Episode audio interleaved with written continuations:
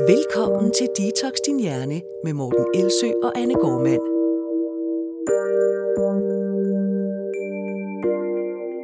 Hej Anne. Hej Morten. Anne, i det meste af vores levetid, der har det været sådan, at hvis man var træt af sin krop og gerne vil være mere fedt, så gik man på slankekur. Det var ligesom default-løsningen. Det kunne være alt fra sådan en simpel suppekur, man fandt i et dameblad, øh, og så til sådan nogle mere avancerede planer med regler for, hvad man måtte spise, hvor meget af det og hvornår, pointsystemer og alt sådan noget. Mm. Fælles for dem var, at øh, det var noget, man gjorde på egen hånd og ved egen hjælp. Og det er det sådan set også i dag. Men de sidste små 10 år, i hvert fald, sådan som jeg fornemmer det, der har der, der, er der flere og flere, der har vendt den her slankekurs øh, solo-tilgang øh, ryggen og søgt øh, andres hjælp, i stedet for at forsøge at klare det helt alene. Og det er jo egentlig en positiv ting, øh, for erkendelsen af, at man har brug for hjælp, er tit det første gode skridt i retning af nye vaner. Men det betyder også, at markedet for personlig coaching det er eksploderet, og et nyt marked betyder ny markedsføring. Men hvordan vælger man så den rigtige? Altså en coach, der rent faktisk er dygtig til det, man har brug for hjælp til, og ikke bare dygtig til at sælge. Det er temaet for vores snak i dag, hvor vi vil tale om, hvad man skal være opmærksom på i kommunikationen fra de coaches, man støder på eller følger på sociale medier. Og øh, som vi har aftalt her inden, så vil vi lave det så lidt som sådan en slags trakt, altså hvor man første gang møder eller støder på noget kommunikation fra, fra en, øh, en coach, netop ude på sociale medier. Det kan være, at man følger nogen, eller man ser en anden annonce, til man øh, måske kommer ind på en hjemmeside, til man etablerer den første kontakt, og til man kommer ind i den første samtale, og så ser om der er nogle ting, som man skal være ja, særligt opmærksom på, for at sikre, at man, man egentlig, eller øge sandsynligheden for, at man får den hjælp, man har brug for. Mm. Så, øh, så det første for at starte yderst i trakten, det er jo så kommunikation på sociale medier. Ja, og der kan man sige, at noget af det, man virkelig skal være opmærksom på, det er, er det her en person, der virker øh, til at skabe fordømmelse? Altså kommer jeg til at føle mig mere fordømt eller mere forkert, når jeg kigger med hos vedkommende? Eller er det en, hvor jeg egentlig opnår en form for større forståelse for, hvorfor reagerer jeg, som jeg gør? Øh, øh, hvorfor, hvorfor har jeg de mønstre, som jeg har? Ja. ja.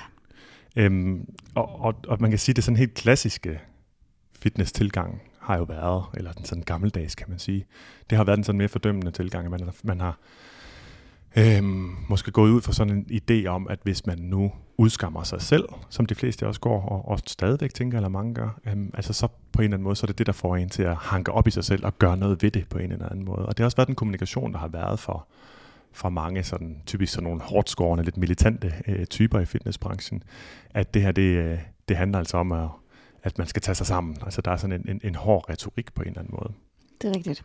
Og det er den her sådan, øhm, er du klar til at tage ansvar? Er du klar til at give den gas? Altså som om sådan underforstået, at man har bare været doven og lavet og lavet stå til indtil mm. da. Ja. Så der er sådan en underliggende, hvad skal man sige, tone af, at det er, det er kun sammen med mig, at du kan tage ansvar og kan tage dig sammen. Det, du har gjort selv, har ikke været godt nok. Ja, fordi når man siger, at du er klar til at tage ansvar, som du siger, så, så underforstået, så har man ikke gjort det indtil videre. Og det er jo den selvfortælling, jeg tror der også jeg ved, der er rigtig mange, der har. At man har været doven, og man ikke har taget ansvar, og man ikke har gjort noget ved det. Men i virkeligheden, så ved vi jo godt fra vores klienter og vores erfaring derfra, at folk går jo rundt og bruger enormt meget energi på at prøve at ændre deres vaner øh, og, og, og har en kæmpe ambition om det hele tiden, og, og fordømmer i virkeligheden deres måde at spise på, og deres øh, manglende måske aktivitet eller manglende træning fra ja, morgen til aften. har jo tit utallige forsøg af den ene og den anden slags bag sig. Ja. Øh, så man kan virkelig ikke sige, at, at nogen ikke har kæmpet. Det, er i hvert fald, det kan man i hvert fald ikke gå ud fra. Oftest Nej. har man kæmpet rigtig meget, inden man søger ekstern hjælp. Og jeg tror, øh, man kan, hvis man sådan skal undersøge lidt hos sig selv, så kan man sige, hvis man nu ikke har trænet jævnt har haft gode træningsvaner de sidste 10 år, men man har haft ønsket om det. Og hvis man nu har øh, haft ønsket om ikke at spise efter aftensmaden, eller man skulle spise sundere, eller bare den idé, om man skulle spise mindre, eller man skulle tabe sig, jamen har det så været en rolig, har det været roligt i 10 år, hvor man så har slappet af omkring det? Eller har man egentlig på en eller anden måde været konstant på arbejde øh, op i sit hoved? Ja, det er sådan en sjov fortælling, det der med, at det skulle have handlet om, at man var ligeglad, eller havde lavet stå til i hvert fald. Ja. Og det er også en af de ting, man hører. Øhm, jeg, jeg så et opslag på et tidspunkt, hvor der stod, har du lavet stå til for længe? Mm. Øhm, og hvor det også var, jamen, øh, er det tid til at få den krop, du drømmer om? Og der er sådan en tendens til det her med at spille på kropsutilfredshed eller selvlede mm. som motiv, øh, som er rigtig uheldigt. Og det er virkelig det, det er et, et tegn, man kan være opmærksom på, når man kigger på sociale medier efter en coach. Det er, at det her er en, der spiller på mine usikkerheder ja. for at få mig til at købe noget. Og en ting er at spille på usikkerhederne, som absolut en knap, man kan trykke på for, for at, for at øh, ja, skabe salg. En anden ting er måske også, det som jeg synes er det lidt værre ved det, det er, når det faktisk skaber de usikkerheder. For, for ens kropsbillede og ens kropstilfredshed, den er ikke bare sådan opstået ud af ingenting. Den bliver i høj grad påvirket netop af det, man eksponeres for. Og det kan man jo også lægge mærke til. Altså, føler jeg egentlig, at jeg har det dårligere med min krop, når jeg er stødt på eller eksponeret for, for den eller den anden coaches øh, øh, hvad hedder det, kommunikation jamen har jeg fået det dårligere med mig selv, og er det derfor, jeg er i gang med, med at købe, jamen så, så er det faktisk blevet skabt et behov. Og det er sådan lidt en, det er sådan lidt en snyd i mark- markedsføringsmæssigt, når man får, får skabt et behov og en desperation og en lyst. Og det er nogle gange rigtig svært at se. Ja. Altså jeg synes, jeg oplever, øhm, jeg har veninder, der har søgt den her type coaches også, hvor at de siger, jamen, jamen jeg bliver bare inspireret, når jeg kigger derind. Det er jo fordi, så kan jeg jo se de her fantastiske altså før- efter billeder, eller hvordan vedkommende selv ser ud, og jeg, hun virker bare til at have så meget energi og overskud, så jeg føler, at jeg bliver inspireret. Men når jeg så spørger, men hvordan har du det, når du har set opslaget? Ikke med dem. Hvordan, ikke hvordan har du det med dem, mm. men hvordan har du det med dig? Så er det godt nok tit, at det er, jamen, så føler jeg virkelig, at jeg burde komme i gang. Så føler jeg virkelig, at jeg ikke har gjort det godt nok, fordi jeg sammenligner mig jo her. Og sammenligningen øh, er, er en af de sådan store, meget tydelige øh, påvirkende kræfter på ens forhold til sin egen krop. Altså om man ser den som øh, bedre eller dårligere, eller pænere, eller smukkere, eller hvad, undskyld, eller mindre pæn, eller hvad det kunne være. Ikke? Øhm, så, så man vurderer den simpelthen i forhold til noget andet. Så den vil altid være relativ. Så det er altså det, man også eksponerer for. Og, ja, så, så det påvirkes meget, ens kropsbillede, og det er jo, hvis det, hvis det bliver forsøgt påvirket i en negativ retning, så er det typisk med henblik på at få en til at købe, og så starter motivet altså med at være negativt, ja. med at være fra øh, selvlede. Og det har vi været inde på en anden podcast om selvkærligt vægttab, hvorfor lige præcis det motiv er en, en dårlig, et dårligt udgangspunkt. Mm. Og man kan så sige, at på, på flipsiden, eller hvad man skal sige, at i forhold til forståelsen, mm. at hvis man øh, følger en coach, man overvejer at bruge, og man, når man ser vedkommendes opslag, øh, skammer sig lidt mindre, og man er en lille smule mere forstående over for sig selv, og man mærker, at man, øh, man bliver mere tilgivende, og man slipper sin, sin hammer for en stund. Ja, at så er det måske... man slår sig selv oven i hovedet med for at skam, udskamme sig selv og skille sig selv ud. Ja. ja, nemlig. At så er det måske der, hvor at det er en, en person, som ikke bruger, altså som kan sige, bruger øh, selvkærlighed som udgangspunkt. Ja, og jeg vil sige, at øh, de allerdygtigste, de hjælper dig så til at forstå din adfærd. Altså den, man dømmer sig for hver eneste dag, slår sig selv oven i hovedet over. Måske fordi man jo netop tror, at hvis man stopper med at gøre det, som vi har været inde på før, så går det først rigtig galt. Og det, hvis de er rigtig dygtige, så kan de også gøre det allerede deres kommunikation på sociale medier, øhm, allerede deres opslag, fordi de ved, at det første skridt til at ændre den, det er faktisk forståelsen. Altså, og omvendt faktisk er klar over, at den her fordømmelse som en fordom, det er jo, at man dømmer noget og bestemmer sig for, hvad det er, inden man har undersøgt det. Og Det vil sige, at fordomme de kommer altid til at stå i vejen for forståelse, og man kan ikke løse et problem, man ikke forstår. Så derfor bliver fordomme også noget, der står i vejen for forandring. Ja, hvis man øh, er lidt i tvivl om, hvordan man skal kunne genkende den her slags opslag, så vil det for eksempel være opslag, der handler om, øh, hvorfor mennesker helt naturligt reagerer på afsavn øh, af mad, altså eksempelvis har haft kurer eller strenge regler for, hvad man må, måtte spise, at det er en, der kommer med en god forklaring på, hvorfor mennesker gør det, ikke hvorfor du har gjort noget for, forkert, eller hvorfor du skal til at gøre noget anderledes, men bare forståelsen af, hvordan er det, øh, at det her opstår, og, og hvordan kan vi forklare, at det faktisk ikke har noget med dig at gøre, eller din ryggrad, eller hvad det nu ellers er, du kan blive bildet ind. Mm. Ja, altså nogen, der forklarer os bare, hvorfor er det, man har lyst til at spise om aftenen, selvom man ikke er sulten? Øhm, hvorfor er det, man gang på gang vælger sofaen frem for træningen, efter børnene de er puttet? Altså egentlig kommer med forklaringen og forståelsen som en substitut for den negative selvsnak igen. Nu ved jeg godt, det bliver en gentagelse. Fordi man er så bevidst om, at man, måden man bryder den negative adfærdscirkel faktisk ofte starter med at bryde den negative selvsnak. Øhm, ja, personer også, der understreger, at vi alle kæmper med nogle af de samme ting i stedet for at sætte sig selv op på en eller anden pedestal om, at øh, her er jeg idealet, jeg har styr på det hele, øh, og derfor så vil jeg også kunne hjælpe dig. Det tror jeg, vi lige skal vende tilbage til. Mm-hmm. Altså man kan sige noget af det, som øh, også er, er noget, man lige skal holde øje med, hvis man leder efter en coach øh, på sociale medier eller, eller andre steder, det er det her med, at det er en person, som der fokuserer på, at det du mangler er viljestyrke. Mm. Fordi at viljestyrke og selvkontrol, og ja, kært barn har mange navne, men, øh, men det her med, at, at det er det, det handler om, det er simpelthen også stor en misforståelse, som mm. gennemsyrer rigtig meget af den øh, markedsføring, der er. Og du kan kende det på, at der kunne være sådan nogle udtalelser som... Øh, øh, du skal bare virkelig ville det, eller det handler om mindset, eller øh, jeg kan hjælpe dig med din selvdisciplin. Og, og mm. det, der ligger ligesom lidt skjult i det her, det er, at, at der er sådan en forældet motivationstilgang til, at man tror, at det er viljestyrke og selvkontrol, som der er, er vejen frem.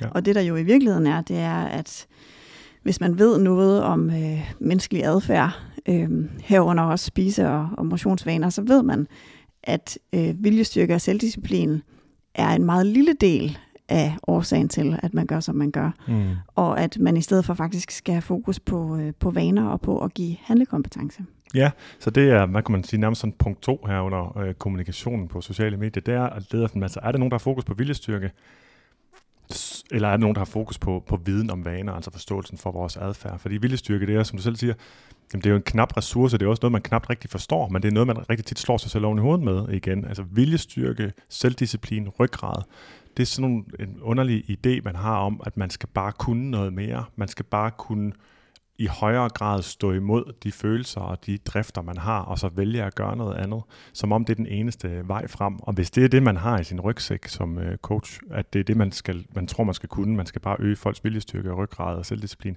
jamen, så har man faktisk ikke rigtig nogen værktøjer.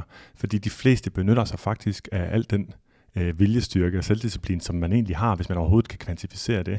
Der skal et eller andet andet til, at man skal forstå, hvorfor er det, man vælger at gøre noget andet, end det, man synes, man gerne vil, og det, man egentlig har sat sig for. Ja, et godt eksempel er jo i virkeligheden, at hvis man kommer til lægen, så er der jo mange, der får at vide, for eksempel hvis de har diabetes, at nu, øh, nu skal du godt nok til at ændre dine vaner, fordi ellers så mister du 10 år af dit liv, og måske mister du øh, dine fingre og dine tæer og dit syn. Og så tænker man, jamen det må da være grund nok til, at folk ændrer vaner. Men ja. når mennesker bliver meget motiveret, altså sådan virkelig, virkelig bange motiveret, øhm, men ikke samtidig finder redskaber til eksempelvis, jamen hvordan skal jeg trøste mig selv med noget andet end mad? Hvordan skal jeg falde til ro uden en cigaret, hvis det mm. var det, man havde brug for? Altså, hvis man ikke får, får redskaber til det, så står du bare med et menneske, som er øh, virkelig, virkelig motiveret, eller bange, men motiveret af frygt, men som ikke har lært noget. Og så gør man sådan set bare ondt værre. Ja, Ja, fordi hvad sker der, hvis man, synes, hvis man synes, at noget er ekstremt vigtigt at gøre? Hvis man endda tror, at det handler om bare at have en, en, en almindelig menneskelig kvalitet som selvdisciplin og ryggrad, eller hvis man endda tror, at det er nemt, som der er nogen, der siger, hvis man sætter ordet bare ind, du skal bare gøre, jamen det, det ord, det betyder, at det skulle være nemt. Så hvad sker der, hvis man synes, det er ekstremt vigtigt? Man har fået at vide, det er vigtigt, det er samfundsmæssigt vigtigt, det er sundhedsmæssigt vigtigt, det er personligt vigtigt, og det er nemt, men jeg gør det ikke jamen så må konklusionen jo være, at man er både øh, udulig og et dårligt menneske. Og det går, at man ikke siger det specifikt til sig selv, men det er det, der er følelsen og opfattelsen, som man sidder med. Øh, og det er en, en skamfølelse egentlig, at man overhovedet ikke lever op til det ideal, som man, som man har fået sat foran sig selv, om den person, man skulle være. Og det er det vigtigste at vide, når man leder efter en coach, i, altså, altså inden for det her tema, det er, at øhm, hvis det er en person, som har styr på sin faglighed og kan coache, og ikke bare øh, rådgive eller prøve at motivere dig udefra, så vil vedkommende eksempelvis øh, være rigtig god til at hjælpe dig med at sætte barn så lavt, at du ikke bliver overvældet. Mm-hmm. Og de vil også kunne lære dig nogle nye sådan, øh, mentale skills, øh, så du for eksempel bedre kan takle dine følelser, så du ikke behøver at spise, hver gang du føler dig ked, øh, ked af det eller urolig. Eller de vil mm, have forstand på, hvordan, hvordan hjælper man folk til bevægelsesglæde. Mm. Hvordan, øh, i stedet for at det er sådan noget, man skal tvinge sig til, hvordan skaber man bevægelsesglæde i menneskers liv. Ja. Og de vil, også, øh, de vil også kunne hjælpe dig i retning af øh, hvad skal man sige, spisevaner, som ikke er styret af, af kontrol, men som, som inkluderer det, der er nydelsesfuldt for dig, det, der er nemt for dig, og det, som giver din krop den næring, du har valgt, den skal have. Ja. Og det er meget, meget, meget anderledes, end øh, du skal bare ville det mere, ja. som er et virkelig let købt øh, svar. Det, det er et ikke-råd, det vil simpelthen sige, fordi der, der er ikke noget, man kan handle på der. Det vil sige, at du skal bare have en helt anden psyke. Okay, så skal jeg lige få det, eller hvad. Og der kan man så sige, hvis man så skulle have en lille nuance med, jamen kan man ikke godt arbejde med menneskers mindset? Jo, det kan man. Hvis man er en dygtig terapeut, så kan man arbejde med menneskers mindset, hvis vi forstår, hvad det er, som jo altid i sidste ende vil være, hvordan man vanligt reagerer mentalt på forskellige udfordringer i livet. Det kan jo for eksempel være et mindset, øh, en måde man, øh, noget man sætter foran, eller et værdisæt, man lader sig styre af i situationer, hvor livet det er svært, og man faktisk formår at gøre noget andet, det der man synes er det rigtige, det man synes er det vigtige, øh, på trods af, at man har lyst til noget til at stikke af, for eksempel. Det skal jeg nok være med at uddybe yderligere, men det er jo bare for at sige, selvfølgelig kan mindset være en ting. Det er ikke nødvendigvis et bruger jeg lidt udtryk for mig selv, et bullshit-ord, men rigtig ofte, så mindset, det henviser bare i praksis tilbage til, jamen du skal have bedre selvdisciplin, du skal have en større ryggrad, du skal ville det mere, du skal bare have mere viljestyrke. Sådan hænger det altså ikke sammen. Og øhm. en tredje ting, som man kan være opmærksom på i forhold til sociale medier, øh, er, at det her er en person, som øh, har en fortælling om, at fordi de kan, så kan du også. At det ligesom er det, de sælger deres produkt på øhm, så kan det godt være lidt, skal vi lade os kalde et rødt flag, øh, eller er det, at et, en person, der forstår, at alle er forskellige, og at mennesker kan have brug for forskellige veje øh, mod de mål, som de kommer med. Øhm, der er nogen, der har den her tendens til at sige, jamen jeg har tabt mig, så derfor kan jeg hjælpe dig til det samme. Men det er ikke så lang tid siden, jeg så en, der havde tabt sig på sådan en uh, nupokur, og så bagefter var hun gået over til en eller anden form for meget restriktiv uh, kostplan. Og så var der folk, der var begyndt at skrive til hende på Instagram.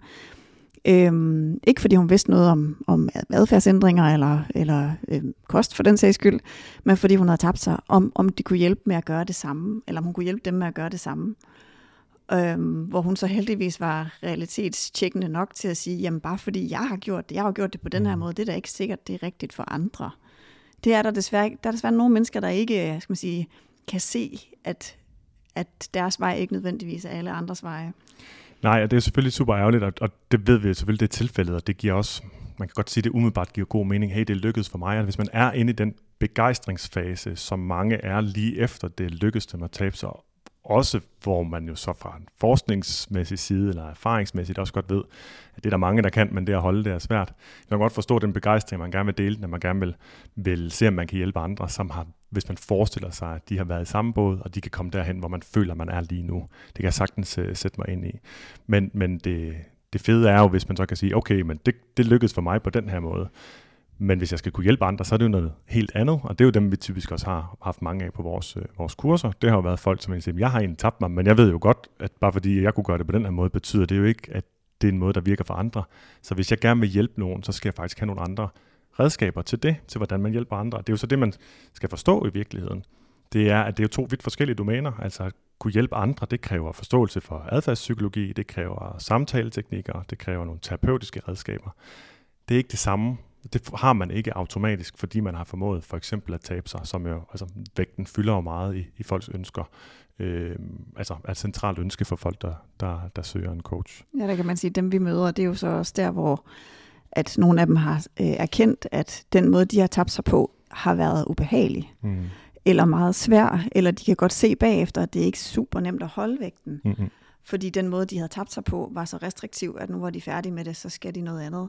Men der er det bare, man ser, synes jeg lidt på sociale medier, at så er der nogen, så er de måske stillet op i en øh, bikini-fitness konkurrence, fået en masse følgere, øh, og den måde, de så har er kommet ned i vægt til bikini-fitness, som er ultra restriktiv, det er så den, de sælger videre til, til kunder. Og det er selvfølgelig også i bedste mening. Jeg forstår det virkelig godt. For hvis man ikke har indsigt i adfærdspsykologien, så vil man jo tænke, jamen det har jo virket for mig, mm. og jeg er jo glad, så hvorfor skulle jeg ikke også kunne gøre det her for, for andre? Ja, klart. Og jeg tænker også for den, der sidder derude og, og, og kigger på de her profiler, der er det jo også mega nærliggende. Det er jo den her anekdotisk evidens, jeg tror, jeg har nævnt det før. Ikke? Altså, det er virkelig nærliggende at sige, hey, der er en, der har en fysik, og har formået at få den her fysik, jamen så må de jo nødvendigvis kunne gøre det for mig. Altså man identificerer sig så hurtigt med folk, så det er intuitivt og følelsesmæssigt kommer man til at lave den fejlslutning også som, som køber, kunde, øh, bruger, øh, hvad det nu kan være, den der læser med øh, at tænke, at de to ting hænger sammen. Men der er ingen nogen sammenhæng mellem at være veltrænet og kunne hjælpe andre til at ændre spise- øh, og træningsvaner. Og man kan sige, at det, det, jeg ved ikke, om vi skal hoppe derover allerede, men altså, det er jo det, man egentlig skal kunne differentiere imellem. Altså er det nogen, der tror, at fordi de kan, så kan du også, eller er det nogen, der forstår, at alle er forskellige? Fordi det er jo helt grundlæggende noget, man skal forstå som coach, det er, at alle er forskellige og forskellige vilkår og muligheder og præferencer. Men øh, inden vi lige når til, øh, til Ja, altså jeg havde faktisk et eksempel på en, og det, ja. det har jeg taget med. Øhm, fordi en af vores øh, kan man sige, virkelig dygtige med-coach-trænere, som tit er med på uddannelsen, som er personlige træner, der hedder Celine Sofie. Jeg var lige inde forbi hendes profil. Jeg er ikke så meget på Instagram, men... Øh... Det må jeg også erkende. Det er jo så det, når vi taler om kommunikation på sociale medier. Jeg følger ikke nogen på Instagram længere. Nej, nej. Øhm, så, så det kan godt være, at vi kommer til at misse noget, øh, der kunne være gode eksempler. Men øh, du har i hvert fald fundet noget. Jamen, det var fordi, jeg tænkte, at nu leder jeg lige efter et godt eksempel, og så havde jeg en masse gode øh, coaches i tankerne, og så var hun bare lige en af dem, jeg kom i tanke om. Men der har hun for eksempel lavet et opslag, hvor hun skriver, øh, min profil er ikke en komplet opskrift på succes, fordi den findes formentlig ikke. Vi er alle sammen forskellige, og vi er formet af både genetik, øh, socioøkonomiske faktorer og forskellige livserfaringer.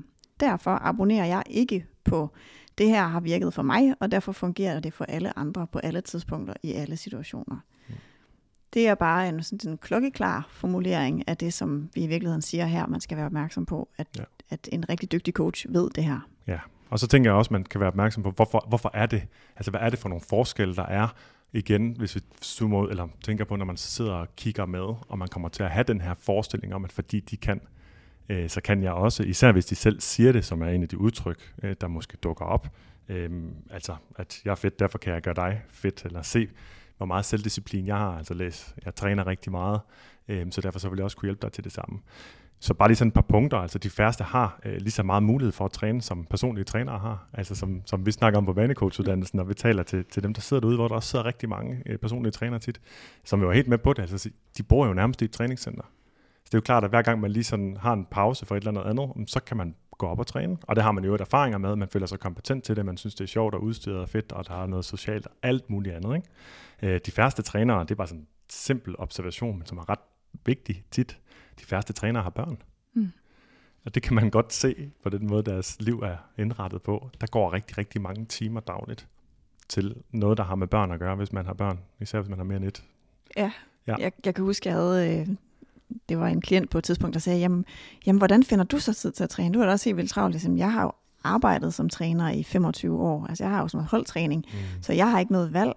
Så når, så når jeg har fået to børn, så har det jo været en del af mit arbejde, at jeg skulle møde op klokken 9 om morgenen og træne nogle andre. Mm. Hvis ikke jeg havde skulle det, så tror jeg måske nok, at virkeligheden havde set lidt anderledes ud. Ja. Og så kom vi bare til at snakke om det her med, at, at altså, det er jo noget af det, der blandt andet gør, at, at når man så kommer til at sammenligne sig med en, der har de vilkår, at det er jo ikke færre vilkår. Hvis okay. alle skulle træne andre i deres arbejdstid, så vil vi da alle sammen være i vældig god form. Ja, tilbage til egentlig nogle af de sådan, øh, ja, den her fejlsortimenter, de kan, så kan du også. Så lavede øh, Nikolaj Bak for nylig det. Øh, han er personlig træner med øh, medejer af Styrk, og så har han jo undervist på øh, madmynemodulet også været med øh, som gæst i vores podcast et par gange. Når han lavede sådan et opslag omkring øh, sådan en typisk ytring, der hedder, vi har alle de samme 24 timer i døgnet. Det handler om prioritering. Så ja, altså, vi har jo de samme 24 timer i døgnet. Det kan vi ikke ændre, men det er sådan ligesom en kosmologisk virkelighed. Ikke? Mm-hmm. Men vi har sgu ikke de samme forpligtelser og forhindringer og, og vilkår. Og man kan også sige, at folk har også bare forskellige gener, der påvirker både øh, appetit og fedtfordeling og muskelmasse, men altså også lyst til at bevæge sig og skadesrisiko og også søvnkvalitet formentlig, øh, mental robusthed og meget, meget andet. Så den her sammenligning, den giver ikke rigtig øh, mening, også bare når man kigger på det. Og så også de fleste træner, de elsker at træne. Øh, selvom de selvfølgelig også synes, det er hårdt, så kan man jo se, at det er noget, som ikke kræver den her store diskussion. Det er ikke noget, de faktisk bruger viljestyrke på i rigtig øh, langt de fleste tilfælde. Og så er der også den der kedelige øv sandhed, at nogle trænere har jo taget steroider, og det påvirker altså muskelmassen helt vildt meget, også uden at man træner, selvom mange ikke tror, det hænger sådan sammen. Og så påstår de derefter implicit, at du kan opnå deres fysik med den rette, rette, rette træning og, og kost, selvom det i virkeligheden er sket på en anden måde. Det er jo bare lige sådan en ikke udtømmende, men måske lidt vigtig liste alligevel, for hvorfor giver det ikke mening at sammenligne sig, for man har ikke samme vilkår. Ja, så opsummerende kan vi måske sige, at være, være en lille smule opmærksom på, er det her en øh, person, hvis succes med sine klienter, øh, hvad skal man sige, lidt øh, forsvinder i historien om, at de selv kan, og at de selv er gode, og de selv har klaret det. Og, øh, og er det ligesom det eneste, der er. Det er jo ikke, fordi der er noget galt i det, og det kan man også sagtens bruge som markedsføring. Men det er i hvert fald måske lidt et rødt flag, hvis det, er, øh, hvis det ser som om, at det er de eneste kompetencer, man har, det er, at man er god til at gøre det selv. Ja, og man kan sige, så er der jo, som du siger, der er masser af nuancer til det. En nuance kan jo være, at hvis nu man er målrettet folk, som er, gerne vil være bodybuilder, hvor det kræver helt vildt meget træning, og, og det kræver helt vildt meget øh, kontrol over sin kost, og man skal gøre det en ekstrem sport. mm, så giver det da god mening at vise, at man måske også godt selv kan, eller man har, man har været igennem det, fordi det har været hårdt. Mm. Men sådan til, til dig, der bare har brug for hjælp til ja, de klassiske øh, ting, og ikke nødvendigvis skal være ekstremsportsudøver på øh, fysikfronten, jamen så, så er det måske ikke det, der er det, egentlig burde være det, der solgte øh, mest. Nej. Øh, en fjerde ting, ja. som man kan være opmærksom på, når man kigger på sociale medier efter en, øh, en coach, eller bliver inspireret til at få en, det er, er det en, som laver store løfter, eller er det en, der sætter realistiske forventninger? Øhm, og store løfter kunne være sådan noget som, øhm, du kan helt sikkert tabe dig sammen med mig, eller sammen med mig kan du få drømmekroppen, øh, eller jeg kan helt sikkert hjælpe dig, eller jeg kan motivere dig til at komme afsted. Hvor det sådan er, øhm, øh, hvor man lover mere, end de fleste vil kunne holde. Mm. Og der, øh, der skal man måske nok være lidt opmærksom på at lede efter nogen, der er mere øh, forsigtige i deres udmeldinger, som måske altså nu er det så ikke et, nu er jeg ikke så, nu er jeg jo ikke så meget social medieerfaring, så jeg kan kun lige trække det tilbage til min egen verden, som er i terapirummet. Ja.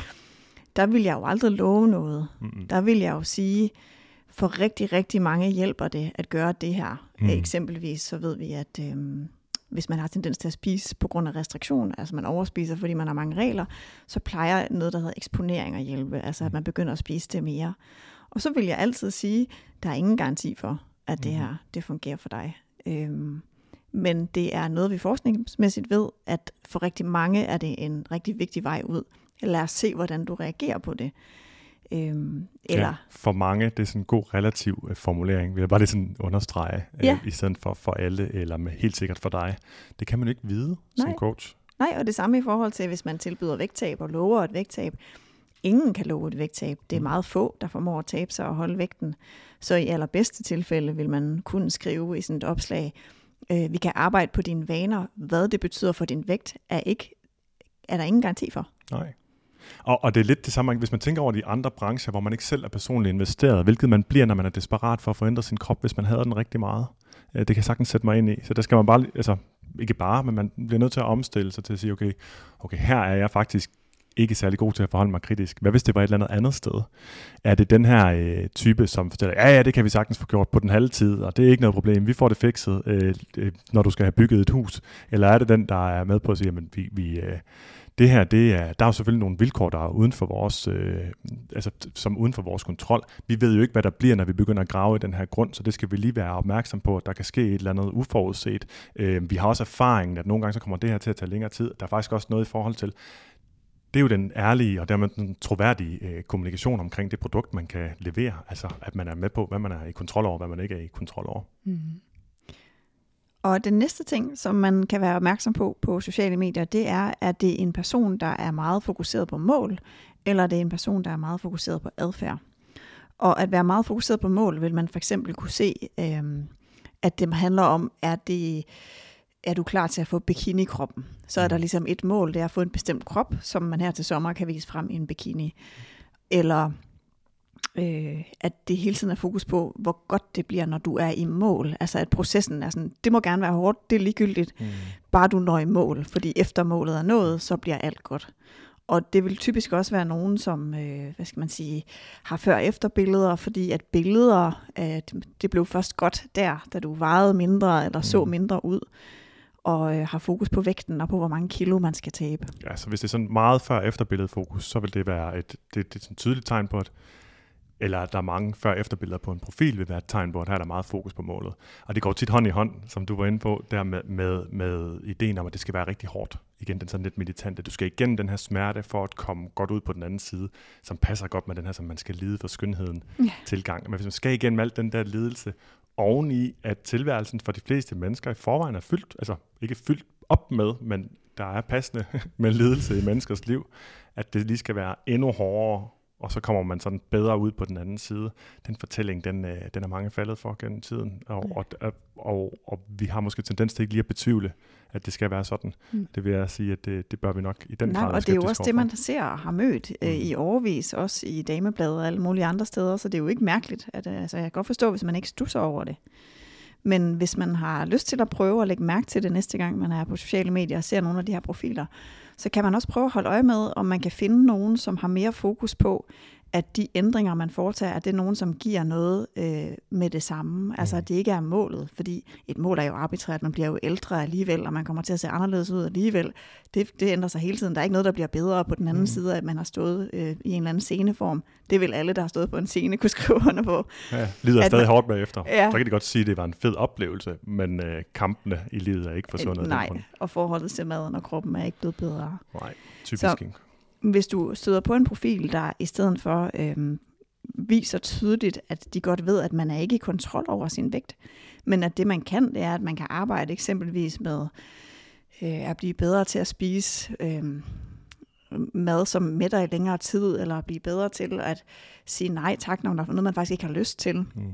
Eller at blive bedre til at øh, skal man sige, ringe til en god ven, når man er ked af det, i stedet for at købe en bøtte Ben Jerry's. Altså, mm. det er et menneske, der forstår, at adfærdsændringer som man arbejder med, øh, godt må kunne give noget nu og her. Mm. Den med Ben Jerry's, der vil du, altså jeg tror, at de fleste af os kan blive enige om, at den bedste trøst er den, man får en rigtig god ven. Ja. Og man har det også meget bedre, når man har snakket med, med, med en god ven. Det har man ikke nødvendigvis efter den der Ben Jerry's. Og Ben Jerry kan begge to være nogle rigtig fede, fede fyre. men men det er, det er, øh, det er søvdutrøst. Øhm, ja. Det er klart. Der var, nu, jeg havde, der var et udtryk for, hvad hedder hun, Kar, Karin Sveen, tror jeg. Jeg ved ikke, ikke engang huske, hvem hun er måske psykolog, jeg er ikke, engang, jeg er ikke sikker, som har sagt noget i retning af, mad er kun en ringetrøst, derfor skal der så meget til. Ja, og øhm. det er et klokkeklart eksempel på, når man arbejder med adfærd, som gør livet bedre med det mm. samme, men som samtidig bidrager til, at det er lettere at holde en stabil kropsvægt. Det er et øh, meget stort plus, ja. hvis øh, man har, kan finde en coach, der kan se, at der er en sammenhæng mellem øh, gode vaner, som er gode allerede i det sekund, man gør dem, og så ja. det langsigtede mål. Ja. Det må jeg jo sige, det er noget af det, jeg bliver meget glad for, når vi får beskeder om vores podcast. Det er, når der er nogen, der melder ind, at øh, de har haft fokus fuldstændig på adfærden, og simpelthen glemt den her konstante tanke om, jeg vil gerne se sådan ud, jeg vil gerne se sådan ud, jeg vil gerne se sådan ud. Og for nogen, der øh, jeg bliver lige glad, lige så glad for begge beskeder, begge typer beskeder. Nogen fortæller om, at det simpelthen bare ikke længere øh, har det her mål kørende, har fokus på deres adfærd, og det har gjort, at der nu ikke er de her store udsving. Og andre øh, har så formået, eller er der så sket det, jeg vil nærmest sige nærmest passivt, at vægten så er faldet, fordi den så, og sådan tolker jeg det i hvert fald, må, må have været kunstigt høj, baseret på en masse reaktioner på livets, øh, ja, på, på situationer og på livets øh, udfordringer, som har gjort, at man hele tiden har spist meget mere, end man egentlig har lyst til. Øhm, og og når, når det kan ske uden at man har målet i fokus, så er det jo også et godt billede på, på det, som du lige øh, beskrev. Jeg tænker helt overordnet set, så må vi jo alle sammen erkende, at vi har ikke kontrol over udfaldet af de ting, vi gør. Vi har kun kontrol over vores indsats, og derfor giver det også bare meget mere mening at flytte fokus derover på. Og jeg vil også sige, at øhm, for rigtig mange menneskers vedkommende, så det her konstante mål, eller den her bevidsthed om, der er noget, man gerne vil have, eller der er et sted, man gerne vil være, som ikke er her, det er faktisk ikke en rar følelse. Det er noget, som bidrager med sådan en grund ængstelighed, uro, stress, hvad end man vil kalde det, over at man ikke er tilpas der, hvor man er. Og jeg tror igen, mange hænger fast i, at den skal være der, fordi hvis først jeg bliver tilpas med, hvor jeg er, eller føler bare nogenlunde ro, jamen så er det først, at jeg har affundet mig med det, og så får jeg aldrig ændret på det, som jeg synes er forfærdeligt at være i. Nemlig. Og så er der også en anden ting i forhold til det her med adfærdsfokus, og det er, at hvis man er fokuseret på det der med at bevæge sig i en retning, i stedet for at nå et bestemt mål, mm. så vil man hele tiden kunne bemærke, hov, i dag gik jeg i retning af det, øh, de vaner, som jeg er ved at opbygge, eller den adfærd, jeg prøver at ændre. Man vil for eksempel kunne se, Okay, så børnene var fuldstændig balstyriske, da vi kom hjem fra børnehaven, og jeg havde bare lyst til at råbe og skrige, og så sætte mig ind og spise en masse slik bagefter, fordi det er sådan, jeg plejer at reagere. Men i dag, der havde jeg fået en ny strategi, som jeg prøvede, og vi faldt til ro alle sammen, og det krævede ikke mad. Så vil man på den dag kunne anerkende, nu er jeg på vej i en retning, hvor jeg er bedre til at takle ubehag og besvær, øh, hvor mad ikke bliver løsningen for mig. Mm. Og det vil man jo kunne sætte et lille fluebenet for at sige, hey, i dag handlede jeg i retning af noget, der var vigtigt for mig. Ja, og det betyder så også, at man kan lave mange flere og opleve mange flere flueben. Og de ja. flueben, det kan man også oversætte til det, der hedder mestringsoplevelser. Ja. Og det, at man mestrer noget, som før har været svært, og som man hver dag har set sig selv ikke mestre, jamen det, er faktisk, det giver en rigtig, rigtig fed følelse. Det giver det, der hedder mestringstillid også, hvor man så også fremover tror på, hey, jeg kan faktisk godt handle anderledes. Selvom jeg konstant igennem mit liv har observeret, at jeg ikke har kunnet handle efter det, jeg har sat mig for, og hele tiden ender med at gøre det, jeg plejer, nu har jeg faktisk oplevet, at jeg kan gøre noget andet. Det er meget øh, bestyrkende, hedder det vist på dansk. Yeah. Empowering er på engelsk, men det er sådan også blevet brugt i mange sammenhænge, det ord. Ja, man kender næsten empowering bedre, ikke? Jo, det gør man. Så altså fokus på adfærd hos en coach er et rigtig godt tegn, fordi det er der, vi gerne vil have flyttet øh, fokus hen, hvis man skal ændre sin adfærd. Væk fra målet og hen på adfærden. Yes. Du lytter til Detox Din Hjerne med Morten Elsø og Anne Gormand. Så er vi nået til at kigge på, øh, hvad så hvis man kigger ind på en persons hjemmeside. Altså man kan sige, at det er jo mange af de samme ting, vi lige har været igennem, så vi kan jo ikke sådan helt skille det ad. Men der er måske nogle ekstra ting i forhold til salg af et produkt, som ja. man kan være opmærksom på. Og det er jo typisk på en hjemmeside, man, man læser om produktet. Ja, og jeg nævnte den her trakt til at starte med. Det er jo simpelthen også noget, folk bruger sig i salgsøje med. Man kalder det også en funnel på engelsk, og så på, på dansk hedder det så en trakt. Altså at du starter langt ude og får opmærksomhed hos mange mennesker. Nogle af dem, en vis procentdel, de kommer så hen i næste længere ind i trakten, som så vil være på hjemmesiden, og så går vi lige to trin længere ind i den trakt øh, om lidt. Men altså på hjemmesiden er der så, som du siger, nogle særlige ting, man kan være opmærksom på. Mm. I forhold til, ja, hvad er det, der bliver solgt? Jamen, så kan man jo lede efter, er det nogen af, er de tydelige på hjemmesiden omkring, eller tydelige eller tvetydige om, hvad det er for et produkt. Mm. Og hvis man nu tænker på, et, øh, sådan, når man er tvetydig, så er det, hvis det er sådan en lidt uklar kommunikation. Altså, jeg har set stødt på eksempler øh, som det her. Mit team er med dig hele vejen. Ja. Men hvad i alverden betyder det? Det er sådan noget, der lyder fedt, men hvad betyder det egentlig? Ja, og så kan man måske godt sidde, når man læser det og tænke, nej, så er der garanteret nogen, jeg kan snakke med hele tiden. Mm. Altså måske kan vi endda også mødes, og det kan være, at jeg både får en diætist og en personlig træner, og det kan være, at jeg kan komme hen og snakke med dem, og det kan være, at jeg må ringe til dem nat og dag. Og, mm. og jeg, virkelig... jeg ser for mig sådan nærmest sådan en hæppekort, der står i lokalet ved siden af mig. ja, ikke også? Ja. Og, og, øh, og så kan det være, at det i virkeligheden betyder, øh, min assistent, der øh, i øvrigt ikke er uddannet inden for faget, sender en sms og skriver øh, godt gået eller op på hesten igen. Ja. Hvis det er det, man mener med, hele, vi er med dig hele vejen, mm. så er der i hvert fald gået noget galt i forventningsafstemningen, fordi man har været uklar. Ja, eller ukonkret. og det er der, man så kan stille sig spørgsmålet, så snart man ser sådan nogle sætninger, som måske umiddelbart virker positive. Hvis man kan lige lave sådan en time-out, som er det, man bliver nødt til at gøre for at kunne tænke kritisk helt generelt. Jeg siger, hov, hvad betyder det her egentlig? Hvad forstår jeg ved det? Men er det det, der står? Står der det, som jeg lige forstod ved det?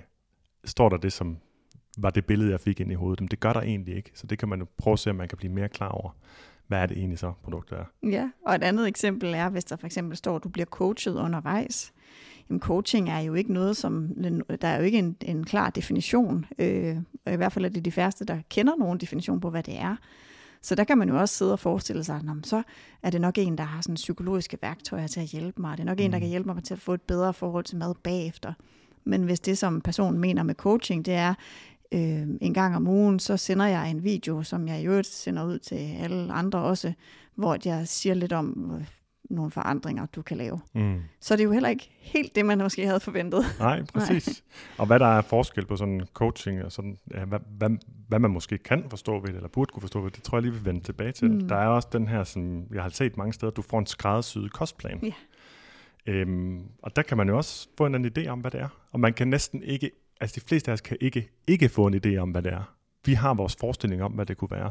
Det kan være, at man forestiller sig, at man sidder over for en person, og så sidder man og taler om, jamen altså, hvad kunne man spise til morgenmad? Det kunne være, det kunne se sådan her sådan her ud, og så går han tilbage efter et langt interview, og sidder personligt og sidder og plotter ind, og får lavet en version af det, du lige har sagt, fyldt med dine præferencer, og får lige tweaked det en lille smule, så det passer med kalorier, der vil føre til et vægt. Og hvor lang tid du kan bruge på madlavning, og hvad din familie altså. kan lide, og alt muligt. Ja. Men, det, men det er ikke sikkert, det er det, man Nej. får. Og det ved vi jo så også, må vi jo også erkende. Det ved vi jo også, at der er jo nogle store virksomheder, hvor den her kostplan, den er jo ikke øh, overhovedet øh, genereres på den måde. Og når jeg siger genereres, så er det netop fordi, det måske gøres på en mere sådan en computer-algoritme måde.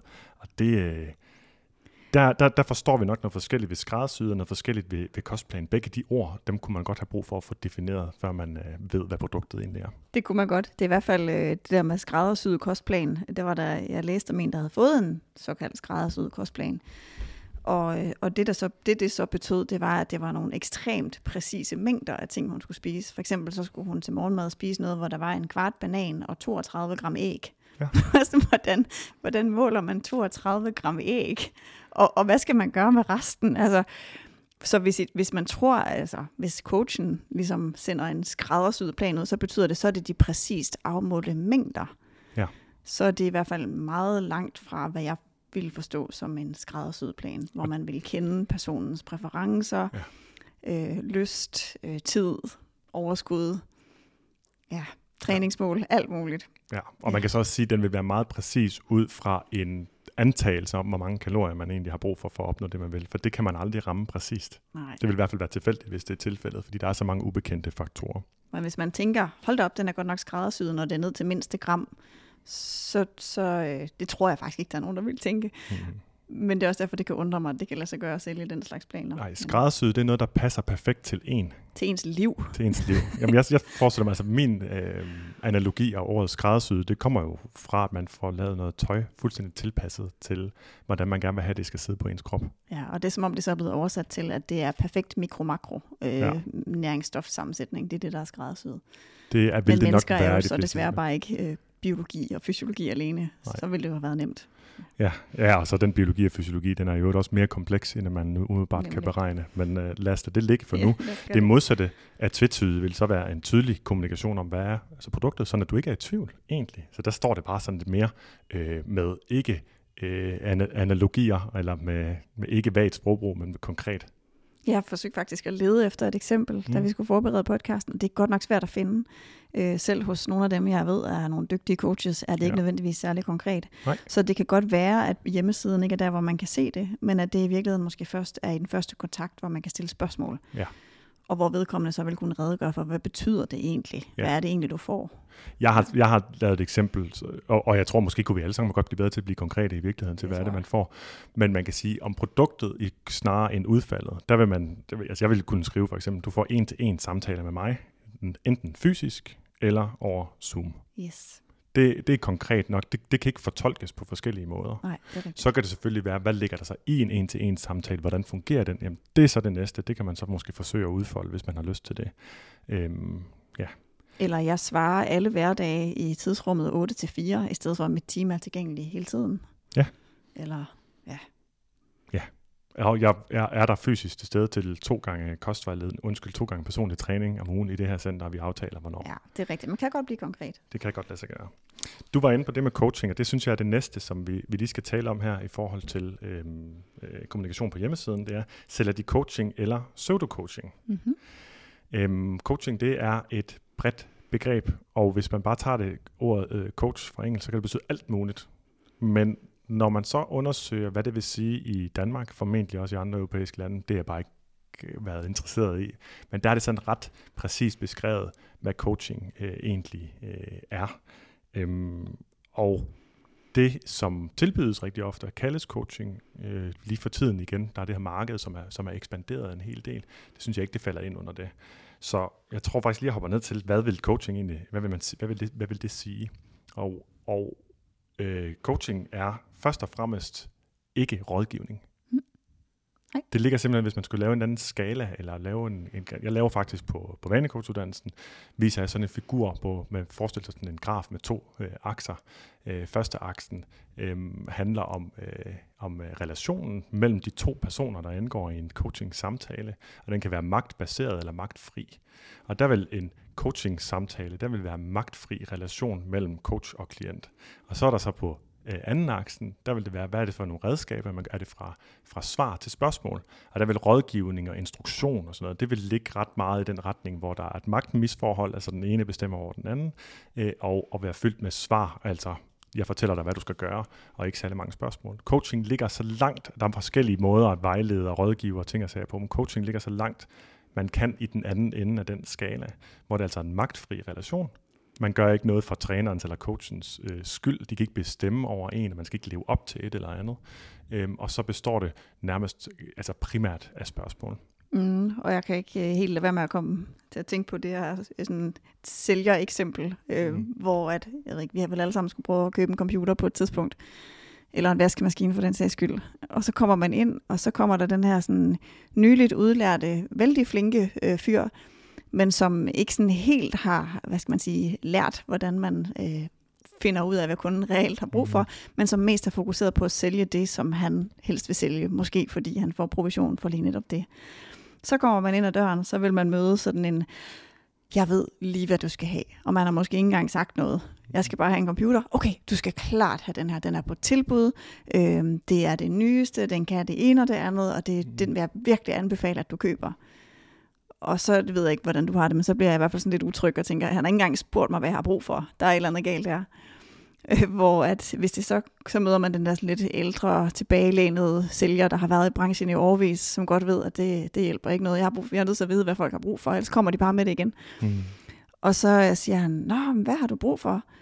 Jamen, øh, jeg skal bruge en computer. Nå, altså, skal det være en, der har lang batteritid? Skal du sidde ude i solen med den? Har du brug for, altså, hvordan skal skærmen være? Skal den kunne være i sollys? Skal der være meget læring på den? Skal det være Mac eller PC? Ja, ja ikke, ikke mindst. Ja. ja. Hvad skal du egentlig bruge den til? Og når han har stillet måske 20-30 øh, coachende spørgsmål, kunne man sige, så er man selv tættere på at vide, hvad det er, man har brug for. Ja. Og når han så siger, okay, så ud fra det, du siger, så er der egentlig de her tre muligheder med de behov, du beskriver.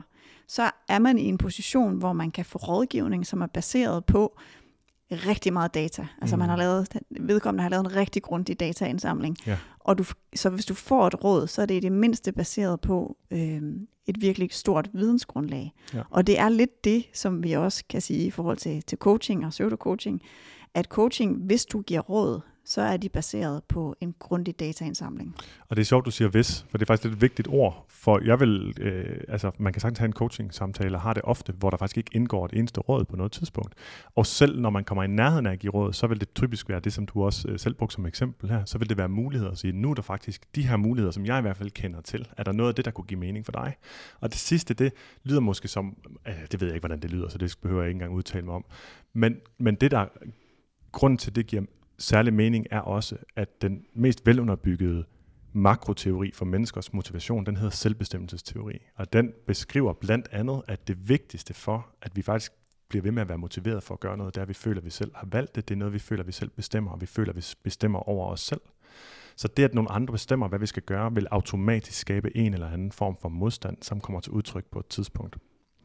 Mm. Øhm, så coaching er altså lyttende, rigtig spørgende, lyttende, øh, dataindsamlende på den mindst skævvridende måde, altså med åbne spørgsmål, der ikke prøver at pege hen i en anden retning. Også fordi man sidder ikke og føler, at jeg har svaret og løsningen, så jeg skal få den drejet derover på. Når man sidder egentlig og prøver at, at hjælpe folk til selv at finde løsninger til deres problem. Og hvis kun hvis man finder ud af, at der mangler information, eller et råd eller noget, det skal man være helt sikker på, før det giver mening at komme med det. Det er det, som egentlig ligger i, det er det, der ligger i coaching øh, generelt. Ja, hvis man så skulle have et eksempel på, på pseudo-coaching, altså det, som nogen vil kalde coaching, men som måske reelt mere er en form for, for rådgivning, så har vi set nogle eksempler på, øh, især har vi haft nogle på vores, på vores uddannelser, der har beskrevet, at, at de har været i sådan nogle forløb, hvor det har været meget sådan... Øh, skriftlig kommunikation, hvor det har været en coach, men, men hvor det er foregået på sms. Og det er ikke fordi, at der er noget galt i at give hvad skal man sige, vejledning og støtte over skriftlige medier, men det er bare ikke coaching. Fordi at en meget vigtig del af coaching er, at det er tovejskommunikation. Ja. Og at der er kropssprog, øh, at man kan aflæse kropssprog, at man kan mærke empati. Eksempelvis hvis du får et spørgsmål på sms, der hedder, hvorfor gør du det? Så vil du læse det med din egen tolkning, som er den måde, du stiller dig selv det spørgsmål, som er, hvorfor helvede gør jeg det? Ja, som er den selvudskammende, ikke nysgerrige. Præcis. Ja. Og coaching, der vil du sidde over for et menneske, som med hele sit kropssprog og sin måde at kigge på dig på, og deres toneleje vil udstråle, det her er ikke et spørgsmål, der er fordømmende. Det her er et spørgsmål, der er nysgerrigt og mm. empatisk. Så øhm, hvis man siger, man laver coaching, så skal man bare vide, at coaching er ikke skrift og det er ikke envejskommunikation. Det kan simpelthen ikke lade sig gøre. Jeg tror også, de fleste de kender det at, øh, i, i andre sammenhænge, at man kan, man kan læse noget ind i en sms i andre sammenhænge, som sagt, som, som overhovedet ikke er blevet sagt, men hvis det er noget, der er ømtåligt, så vil man reagere. Folk taler forbi hinanden hele tiden på sociale medier, selvom de synes, de forklarer sig klokkeklart og stiller gode spørgsmål, hvis det også kan, være det. Så, så den skriftlige kommunikation mangler helt vildt meget. Og det er jo selvfølgelig ærgerligt, at man ikke kan opnå det samme med skriftlig kommunikation, som man, som man vil kunne i en samtale. Men coaching er en samtale mellem to personer i realtid, og det de ting, som man benytter sig af i coaching. Coaching, det er ikke noget, som sådan er separat for alt muligt andet. Det er en, øh, det, det læner sig rigtig meget op af viden, man har fra terapiens øh, verden, hvis man kan sige det sådan. Øhm, og der ved man bare, at det at kunne blive grebet, blive mødt med empati og forståelse blandt andet, og spørgsmål, som også ikke bare er formuleret rigtigt, men også har leveret det rigtige toneleje, at det, det, at det gør en kæmpe stor forskel. Mm-hmm. Og sidst men ikke mindst, så, så ved man også fra terapiens verden, at noget af det vigtigste for at kunne hjælpe folk, det er, at man har en, øh, en, en god rapport eller en, en terapeutisk alliance. Øh, og den opstår altså også, når man sidder over for en anden fysisk, helst sekundært i, i hver sin en eller andet, skulle jeg sige, men over, over en skærm, hvis man Og det er jo så ikke, fordi man ikke øh, gerne må tilbyde, hvad, hvad skal man sige, support over skrift, men det er nok så bare forkert at kalde det coaching. Så man skal i hvert fald kunne spørge ind til, hvad er det så, det betyder, mm. at jeg mm. får coaching af dig.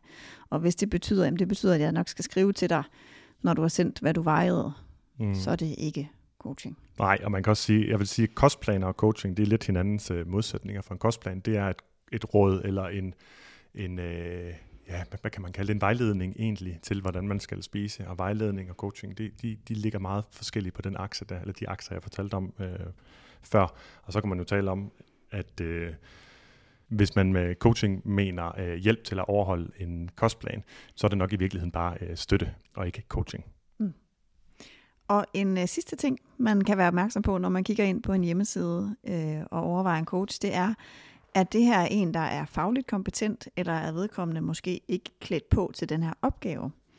Øhm, og man kan sige, når det gælder faglige kompetencer, så kan man jo gå til det øh, åbenlyse og kigge på uddannelsesniveau. Øh, og det er ikke alle, der oplyser på deres hjemmeside, hvilken uddannelse de har. Og det vil jeg personligt, men det er bare personligt, være en lille smule utryg ved. Fordi normalt, hvis man har en god og stærk faglig baggrund, så fortæller man den om, om den på sin hjemmeside. Mm. Ja, hvad kunne så være sådan nogle faglige kompetencer, som kunne, øh, som kunne give mening?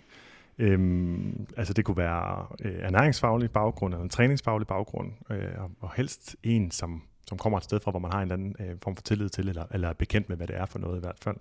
Øh, og så også meget gerne fordi for, altså for at kunne hjælpe folk, skal man vide noget om adfærdspsykologi, så også meget gerne overbygninger inden for, øh, for coaching, og øh, også gerne terapi, forskellige terapiformer. Så det er jo noget af det, man, man i hvert fald kan lede efter. Øhm, ja. ja, der var et eksempel på den der online coach, som vi begge to kom til at kigge på, og øh, som skrev, at der var et hold af coaches, altså at han havde et team, som støttede op om en, og når man så kiggede ned i, øh, i hans kartotek af, hvem det her team mon var, mm. så var der tre andre mennesker, som øh, havde markedsføringsuddannelser og ikke andet. Ja, og det var spøjs, fordi der stod, at de, de havde masser af, af, af erfaring med at hjælpe folk, men altså igen, det var, der, baggrunden var en helt anden. Ja. Og altså, det med at være, altså en god, god markedsføring, det overbeviser jo en øh, til at købe, så det skal man jo, man kan sige sådan helt generelt i samfundet, være en lille smule modstandsdygtig overfor, hvis ikke man skal komme til at investere i det forkerte, så skal man være modstandsdygtig overfor god markedsføring. Det er jo svært, men man bliver nødt til at prøve. Ja, hvis man kigger ind på efter et, et, det der team, og sådan prøver at kigge efter i sømne, hvad er det egentlig for et team, jeg får bag ved mig? Ja. Jamen hvis det er en fysioterapeut, og en diætist, og en psykoterapeut, og en coach øh, med en god faglig baggrund, så kan man jo godt se, okay, her er noget seriøsitet. Ja, absolut. Men det, og det er det måske ikke alle, der er opmærksomme på, at det er en god idé lige at få tjekket efter. Nej, og det gælder jo også alle sammen, når vi er motiveret til at få løst vores problem, så er vi ikke opmærksomme på de ting. Så det er også derfor, en af grunden til, at vi optager den podcast her i dag, er jo for at, prøve at hjælpe folk til lige at, at tage den der time out og lige sige, okay, jeg skal faktisk lige tjekke efter. Fordi igen, meget god markedsføring, det, det overbeviser, men der er ikke nogen sammenhæng mellem at være en dygtig sælger og en dygtig coach. Mm. Og jeg vil sige erfaringsmæssigt, hvis der er nogen sammenhæng, så er den ofte omvendt. Øhm, ja, så led efter de faglige kompetencer.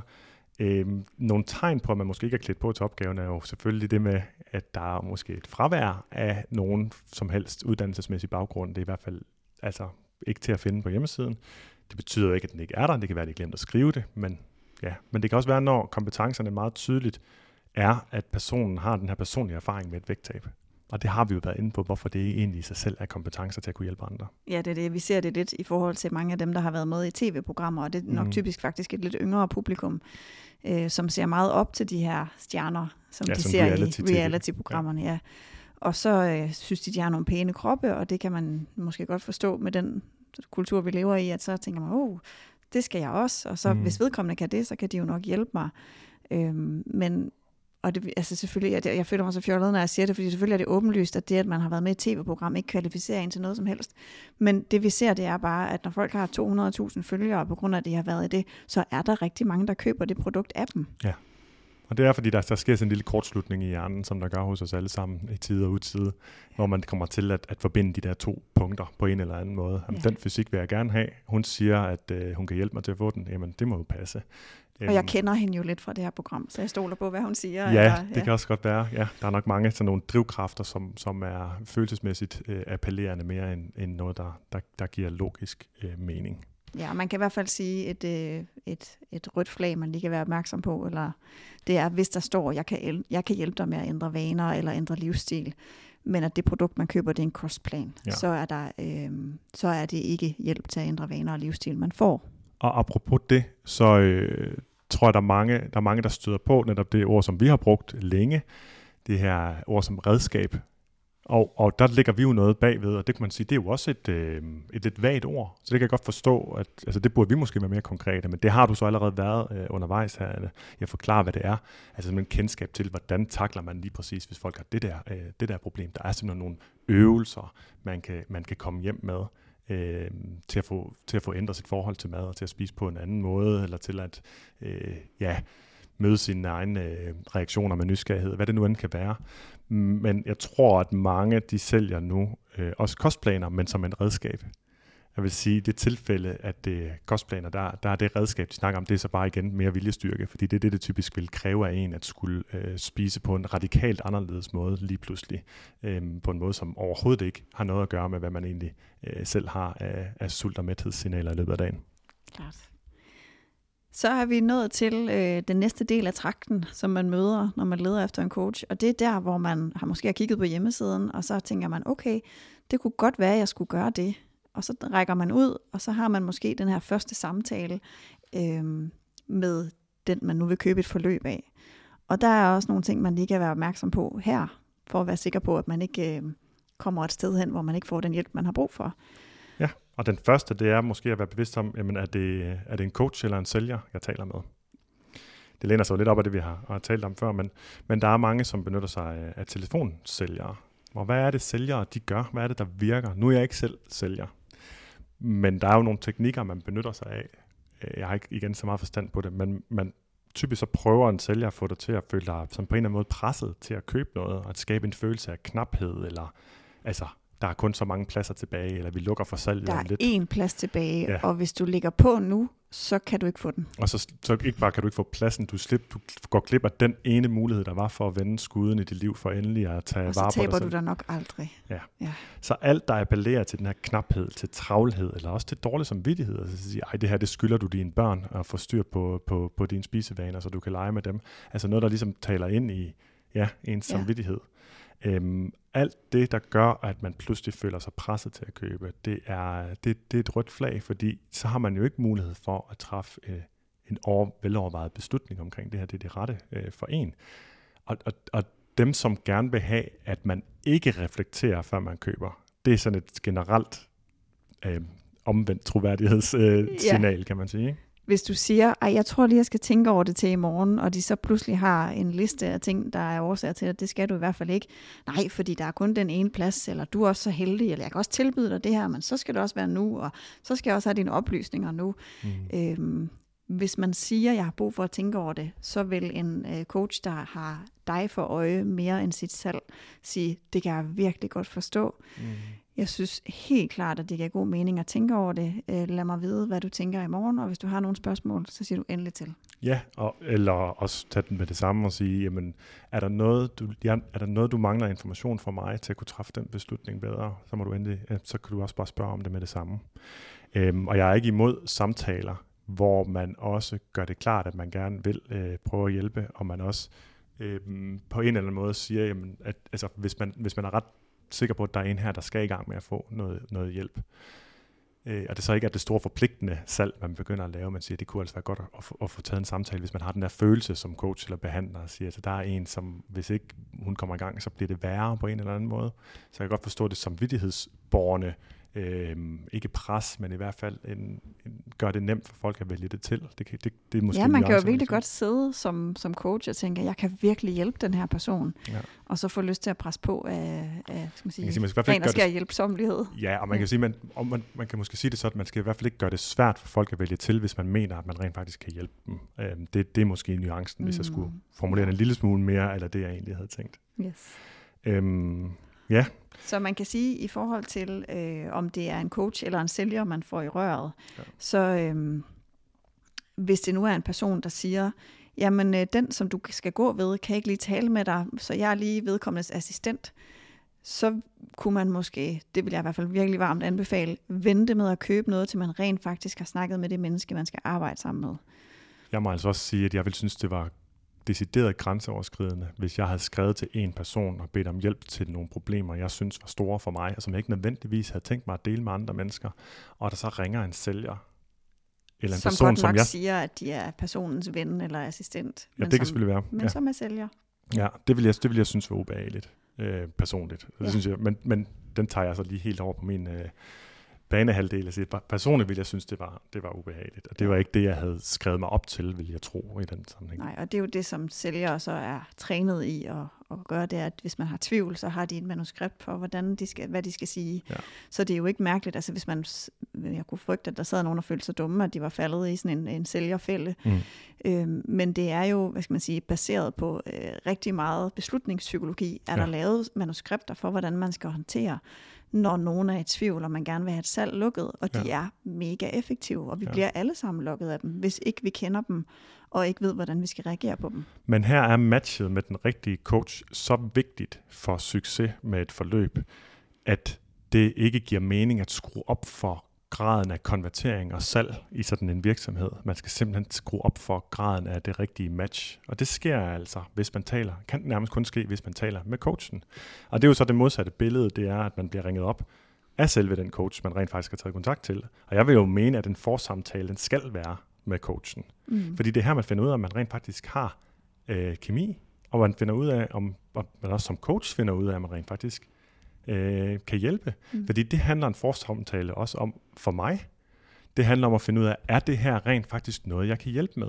Hvis ikke jeg overhovedet har den overvejelse, så har jeg jo en tanke om, at jeg vil kunne hjælpe med alt, som vi også kommer til at vende tilbage til.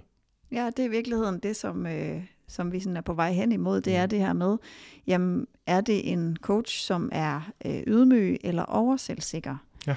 Fordi hvis man er ydmyg, som er det, du beskriver der, ja. så øh, vil man have meget respekt for, at der er ting, der er uden for ens kompetenceområde. Og når man er ydmyg, så vil man eksempelvis spørge ind til, jamen er der fysiske eller psykiske problemstillinger eller store personlige udfordringer lige nu i dit liv, som jeg bør kende til? Og hvis klienten så siger, jamen jeg har godt nok øh, lidt åndenød for tiden, og jeg synes godt nok, jeg har svært ved at sove, og jeg føler mig virkelig presset, og jeg har sådan en meget kort lunde, øhm, så er det ville det være en god idé at sige, det lyder som om, der er noget her på spil, som rækker ud over det, du beder mig om hjælp til. Mm.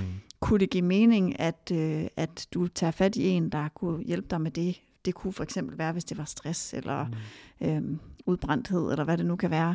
At man så har, det, det har vi, og det ved jeg også, at alle vores, øh, vores vanecoaches, de har, at vi har et kartotek af mennesker, vi henviser til. Mm sådan så hvis der kommer nogen, som for eksempel, ja, jeg har nok en tendens til at drikke lidt for meget alkohol, jamen så kan vi henvise til en, der har speciale i, øh, begyndende misbrug. Vi er altid ydmyge i forhold til, hvad vi kan og ikke kan hjælpe med. Så hvis man møder nogen, der er skråsikre, og er helt sikre på, at uanset hvad du siger, ja ja, det kan jeg sagtens hjælpe med, mm. Nå, men altså, jeg er gravid, og jeg har diabetes, og jeg har øh, depression. Ja, ja, men det har jeg masser af erfaring med. Mm. Det, det er fint. Det er ok, ok, ja. Ingen problem. Så vil jeg blive bekymret. Ja, ja, absolut. Man skal helst møde en, som, som har lyst til at vide, hvorvidt de egentlig kan hjælpe. Altså virkelig har, skal undersøge, er jeg den rette til dig?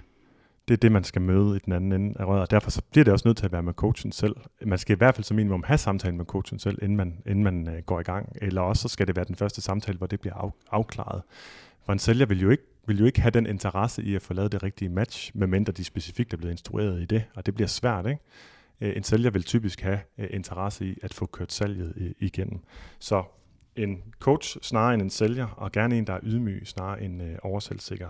Det må være noget, noget af det, det vigtigste at være opmærksom på i den, i den første kontakt. Der kan det også godt være, at man laver en anden forventningsafstemning. Mm. Hvis man allerede gør det i den første kontakt, jamen, så skal den også være realistisk, i stedet for at sige, jeg kan hjælpe dig på tre sessioner, så har du det super godt igen. Så vil jeg løbe, løbe skrigende væk, skulle jeg lige til at sige, fordi de færreste problemer er så, så lidt komplekse, at, det, at man kan sige det med sikkerhed. Ja, der er man, øh, hvis man har en, en coach, der siger, altså det, som du beskriver her, og det forhold, du har haft til mad de sidste 20-30 år, øhm, efter min erfaring, så tager det år og ikke måneder at ændre. Så det, jeg vil gerne hjælpe dig, og når du siger, at du gerne vil have tre sessioner, eller gå en, en måned hos mig, så er det også fint. Det, det er bare vigtigt for mig at sige, så når vi ikke så langt, som vi kunne. Der er, øh, det her er faktisk et stort arbejde. Mm. Og det er jo ikke, altså man kan sige, man kan godt forventningsafstemme i forhold til tid. Det har jeg ja. også øh, set nogle af de her sådan lidt større online coaches sige, jamen du skal være med i et år, fordi at der skal jo lang tid til at ændre vaner. Men hvis det man får i det år, det så er kostplaner og sms'er, så er det jo stadigvæk øh, ingen hjælp. Nej, hvis det er bare mere af det samme. Altså, fordi ja. det, der, det, der sker gennem et år med, med terapi, det er jo, at man langsomt bevæger sig fremad og indad på en eller anden måde i sin psyke, og forstår og forstår og forstår mere og mere og mere, øver sig på at mestre forskellige situationer. Så der er en læringskurve, i øvrigt med masser af tilbagefald, øh, og, og, og det er der meget læring den foregår, men det er vist en tangent. Øh, men at få mere af det samme i lang tid, altså forestil dig at komme til en psykolog, men så hver eneste gang, du kommer til samtale med psykologen, så taler I om præcis det samme. Ja. Måske bliver det lige formuleret på en lidt anden måde i stedet for at der er en anden form for fremgang. Ja. Øhm, det, det, det er jo klart, at der gør tid jo ikke nogen forskel. Nej, Nej. Så, og hvis du har haft et, øh, et skidt forhold til krop eller mad i, i det meste af dit liv, så ved man jo også godt, altså man har jo lyst til, at det skulle være anderledes, men man ved jo godt, at det er der ikke nogen, der kan fikse ved en samtale og øh, sms-kontakt i et mm. år. Nej. Nej, ikke hvis man kontakter sin fornuft, hvis man kan sige det sådan. Nej. Som selvfølgelig tit er sat lidt ud af spil, når man rigtig, rigtig gerne vil have, have løst det her, man sidder og føler sig desperat over et problem. Ja. Så kommer vi, tror jeg, til sidste øh, sted, eller slutningen af trakten, den, øh, den første sådan reelle samtale. Der vil selvfølgelig være nogle overlap med noget af det, vi har talt om. Mm. Men en af de første ting, man kan være opmærksom på, det er, øh, altså fordi man skulle meget gerne kunne også stoppe et forløb igen, så man skal selvfølgelig også vurdere efter den første samtale, om det her det er noget, der virker for mig. Og noget af det, som ja, er godt at være opmærksom på, det er, fjerner eller reducerer den her coach øh, skam hos mig, eller, eller føler jeg mig mere forkert, mm. når jeg har været til den her samtale? Ja, hvis man eksempelvis har fortalt, at ej, det, det var gået rigtig godt, men så i weekenden, så, puh, så gik det helt galt, og så spiste jeg alt for meget. Øhm, hvis ens coach så svarer noget i retning af, ja, men så må du blive bedre til at adskille øh, hygge og det, du putter i munden. Fordi det gør jeg. Jeg adskiller det bare. Øh, så, så mad, det handler om næring, og hygge, det handler om noget andet. Mm. Så vil man sidde tilbage som klient og tænke, åh oh, gud, er det så enkelt? Jamen, så er jeg jo da helt forkert. Ja. Eller hold da op, så er jeg godt nok et skidt menneske, hvis jeg ikke kan det. Øhm, Hvorimod, hvis det er en person, der er god til at fjerne skam, så vil de i stedet hjælpe dig med at forstå, hvad var årsagen til, at det skete. Og det kunne for eksempel lyde sådan her, Nå okay, så, så hvornår startede det egentlig? Jamen det var der fredag aften. Og hvordan havde du det på det tidspunkt? Ja, der var jeg godt nok mega presset efter arbejde.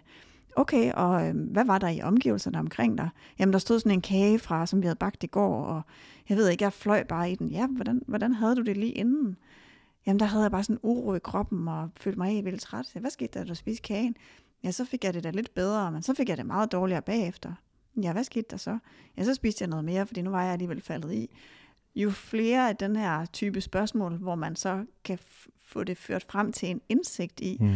ah, så grunden til, at det skete lige der, det var fordi, at jeg var presset jeg forstår min adfærd bedre nu, mm. øh, og, og jeg sidder så også over for en person, der har mødt det her før, og kan normalisere det, ja. og kan sige, hvis jeg havde været i den samme situation som dig, så havde jeg gjort nøjagtigt det samme. Hvis ikke jeg havde vidst, hvordan jeg skulle tage mig af øh, det pres og den uro, øh, og vidst, hvad, det, øh, hvad jeg skulle gøre med det, så ville jeg have gjort præcis det samme. Det har jeg til med også gjort før i tiden, før at jeg øh, lærte nogle af de her ting, som jeg gerne vil lære dig. Ja, præcis. Så normalisering er meget, meget altså, vigtig, fordi det fjerner det, det, der sker, når man sidder over for en klient, og, og, og man lykkedes med det, det er jo, at, at skuldrene ligesom falder lidt ned, og, og, og og, og ængsteligheden på en eller anden måde også, også reduceres, og, der, og, og også den, den skamfølelse over, at man ikke kan, at man ikke kan finde ud af det her, som man føler, at alle andre mennesker kan finde ud af. Og igen, det her misforhold, der kan være, hvis man så også sidder over for en, som man tror har styr på alt, det er faktisk ikke en god ting. Og det kan man godt også have et pres på sig selv som coach over, at man synes, at man skal være sådan en, der har styr på det hele, fordi det er idealet, man, man skal fremvise, som, som ens klienter kan sigte efter. Det er faktisk slet ikke det, der hjælper folk. Det er meget rarere at finde ud af, at den adfærd, man har, er normal altså den er inden for normalen. Altså afhængighed også, er, som, som mange jo egentlig oplever, øh, når de har nogle, nogle vaner, der virkelig er indgroet og oplever cravings og stor trang osv. Det er en helt normal ting for mennesker at have. Så den her illusion om, at det er noget, som man selv sidder med som et stort problem, man skal skamme sig over, mens alle andre har styr på det, den skal vi jo have brudt ned ja. for at komme videre. Det er noget af det, som jeg virkelig, øh, virkelig sætter pris på at have med i arbejdet, det er, at nu har vi eksempelvis den model, vi bruger på overspisningsmodulet i forhold til, hvad det er, der gør, at man får et skidt forhold til mad, eller at man kommer til at overspise. Og når man sidder med sådan et redskab og viser det til et menneske, som tænker, den er helt gal med mig, jeg har ingen ryggrad, jeg er et svagt, øh, svagt menneske, og så der sidder en over for og siger, det her det er så menneskeligt, at øh, psykologer har forsket i det i årvis. Det er de her mønstre, vi kan se, der sker, og det her mm. det er den måde, man fikser det på at så er det sådan, gud, hvis der, altså hvis, jamen nå, så det er sådan en almen menneskelig ting, så, nå, så det er simpelthen bare fordi, de her, fakt, fordi der er sket det her, at jeg reagerer sådan her, så går man derfra øh, lettet og, og har en fornemmelse af, okay, der er faktisk en chance for, at jeg, at jeg kan lære noget nyt, og at det ikke er mig som person, der er noget galt med. Ja, man kan godt høre, at det her det trækker jo tråd tilbage til kommunikation ude på sociale medier. Altså simpelthen ja. vise, at det her det er almindeligt menneskeligt. Det her det er de problemer, folk de går rundt med. Det her det er måden, vi typisk takler dem på. Og det gør vi jo, fordi vi får at vide det, det vi skal, og fordi vi skammer os over det, eller fordi vi ikke øh, ja, finder de rigtige, øh, den rigtige viden om, hvad det er, vi egentlig har brug for. Så men det her, at kunne have den her afskamning, kunne man kalde det, det, det, kræver, det kræver tomvejskommunikation, og der er vi tilbage til, øh, hvad vi mener med coaching, og hvad der menes med coaching, vil jeg sige, egentlig i Danmark. Og det er altså der, hvor, hvor man kan opnå en anden form for alliance, og, og måske give det mere mening at snakke om, at der er en, øh, en tryghed ved at være hos øh, sin coach. Her kan man sige alt, også det man skammer sig over, og så bliver det mødt øh, med, med nysgerrighed, og med empati, og med omsorg og forståelse over på den anden side af, af bordet. Og et godt tegn efter første samtale på, at øh, jamen her går det, at det her det var måske meget godt, det er, at man er mindre hård med sig selv efter samtalen, end man var inden. Og apropos den her tovejskommunikation, så kan man også se, hvad består den så af, sådan rent teknisk? Mm. Ikke at man sådan skal sidde og tælle, men får du, ja, man kan sætte det op på den her måde, får du gode råd, eller får du gode spørgsmål? Ja, hvis, det er, øh, hvis du har fornemmelsen af, at du har fået 20 råd, til alt muligt, du skal gøre med din træning og din mad, og måden du tilbereder det på, hvordan du forholder dig til det, og hvad du skal træne, og hvilke øvelser du skal lave, og du til sidst sidder og sådan gud, der er mange ting, jeg skal. Mm. Øhm, så er det en kombination af, at, at det, er, øh, det er helt sikkert en meget velmenende coach, som bare gerne vil give dig alt det, som de kan. Og jeg kan huske den fornemmelse selv. Jeg kan huske det, da jeg var færdig øh, på ernæring og sundhedsuddannelsen, og, og havde læst til personlig træner også at jeg havde sådan, gud, nu ved jeg så meget, og så skal jeg nærmest, så jeg nogle gange sådan nærmest spyde det ud over de stakkels klienter, mm. og de må have været helt overvældet. Ja. Øh, så det er noget, man gør i god mening. Men det ved vi bare fra adfærdspsykologien, at det, der sker, når man skal få gode råd om at skulle ændre alting på én gang, at så passer rådene for det første ikke nødvendigvis særlig godt til den, man er. Nej, for det kræver jo netop dataindsamlingen, som kræver spørgsmål. Ja, nemlig. Og, og yderligere, så bliver man simpelthen bare overvældet, ja. og kan ikke overskue det. Eller jo, det kan man måske i 14 dage. Ja. ja. Og det kan man måske også øh, sætte som et punkt i sig selv. Altså føler du dig overvældet, eller føler du dig afklaret efter samtalen? Nu nævnte du selv, at du selv har gjort det. Det gjorde jeg også rigtig meget. Jeg havde en periode, hvor jeg tænkte, at, at det er jo måske meget fint så nøjes med tre ting, de skal gøre indtil næste gang. Og jeg kan, jeg kan så næsten huske, hvor jeg var henne i livet. Altså jeg kan sådan se det for mig, den gang jeg indså. Tre ting, det er tre gange for meget. Yeah. Vi skal ned på en. Yes. Altså det med at hjælpe folk til at gå fra kaos til, til fokus. Øhm, det, er en, det er en gave i sig selv. Det kræver, at man selv er villig til at give afkald på alle de gode idéer, man kunne have liggende. At de kan simpelthen få lov til at stå og råbe over den ene ende af hovedet, mens man selv er til stede og, og sidder og lytter. Altså nu taler jeg ud fra coachens yeah. perspektiv. Ikke? Ja, det er jo øhm. noget af det, som, som vi bruger ret meget øh, tid på, faktisk næsten to hele dage på, på Venegårdsuddannelsen. Det er, hvordan er det, man sætter øh, mål i forhold til, at man har indsigt i, at hvis du ændrer alting på én gang, så går det galt, og hvis ja. du sætter barn for højt, så går det galt. Ja. Så hvordan finder man de vaner, øh, som er så betydningsfulde og for målet, og som man er parat til at ændre, og så fokusere ind på dem, og så ændre en af gangen. Ja, og så får lige koblet op på noget, du sagde tidligere. Også meget gerne på en måde, som gør, at man netop ser det som mestringsoplevelser, eller ser dem som værdifulde i sig selv, og kan, kan krydse dem af dagligt, eller sætte flueben ved dem, øh, og det er en positiv oplevelse, for man er ikke i kontrol over det, det, øh, det udfald. Nej. Ja, så spørgsmål. Undskyld, vi kom fra spørgsmål. Flere spørgsmål i stedet for gode råd, og det er jo også det, som, som gør, hvis man får en masse gode råd, så vil man typisk føle sig øh, overvældet. Afklaretheden, der mener jeg at sige, okay, jeg ved, jeg ved godt, hvad jeg skal fokusere på til næste gang. Og fokus, det er sådan en spøjs størrelse, for vi snakker nogle gange om at fokusere på flere ting. Det kan man ikke. Altså fokus betyder simpelthen, at alt andet er ude af fokus. Det betyder ikke, at det ikke eksisterer. Det betyder ikke, at man ikke kan vende tilbage til det. Men det betyder, at der er én ting, som har mit fokus lige nu. Man kan sidde, hvis man, når man lytter med her, så kan man prøve at se, om man kan fokusere på to ting synsmæssigt på en gang. Kan ikke lade sig gøre. Nej. Og det kan det heller ikke adfærdsmæssigt. Så det er at møde en, der hjælper en til at lægge alt til side, men at være tryg ved, at man ikke giver helt slip på det, og fokusere på noget, og dermed føle en form for afklarethed. Det er i hvert fald et rigtig, rigtig godt tegn. Ja, så føler jeg lige, at jeg glemte at sige noget, som jeg skynder mig at indskyde her, ja, som er det. i forhold til det der med, hvad er så det modsatte af, at man bare får, siger bare får en masse gode råd. Jamen det er for eksempel, at hvis man er ved at snakke om øhm, at ændre sine morgenmadsvaner, at et godt råd, der ikke tager udgangspunkt i, hvem man er, vil for eksempel være, øhm, at coachen uden at kende ens situation siger, ved du hvad, du skal til morgenmad have noget med en masse protein i. Jeg forestiller mig, at øh, jeg tror, du skal lave sådan nogle æggepandekager med øh, masser af proteinpulver i, og så en banan i, og det skal steges så så længe, og så har man fået en masse rød, og så sidder man måske tilbage og tænker, okay, men jeg kan ikke tåle banan, jeg kan ikke lide æg, øh, jeg har ikke tid til det der om morgenen, jeg skal have tre børn afsted, og jeg vil ikke vide, hvor jeg skulle købe det der proteinpulver så er det bare et rigtig skidt råd. Mm. Hvor at coaching mere vil være, øh, apropos dataindsamlingen før problemløsning, øh, så okay, så hvor sulten er du egentlig om morgenen? Hvor lang tid har du? Hvad kan du lide at få? Hvad, hvad synes du smager godt om morgenen? Hvad er dine omstændigheder? Ligesom er du alene? Er du sammen med andre? Øhm, alt sådan noget, ikke? Så man lige pludselig kan få et råd, der er baseret på, på data.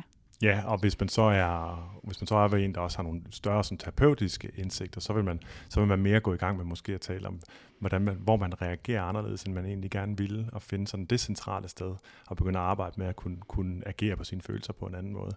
Men altså alene det her med at skulle dataindsamle først, det må være, det må være et, et punkt, som er til at genkende, når man er i sin første samtale. Altså får jeg bare smidt et råd over på mig, som ikke passer ind i mit liv, eller er der en, der er rigtig nysgerrig på min situation? Ja. Så øhm, for at samle en lille smule op, så hvis du føler dig overvældet efter den første samtale, så kan det godt være, at det har været mere rådgivning, end det har været coaching.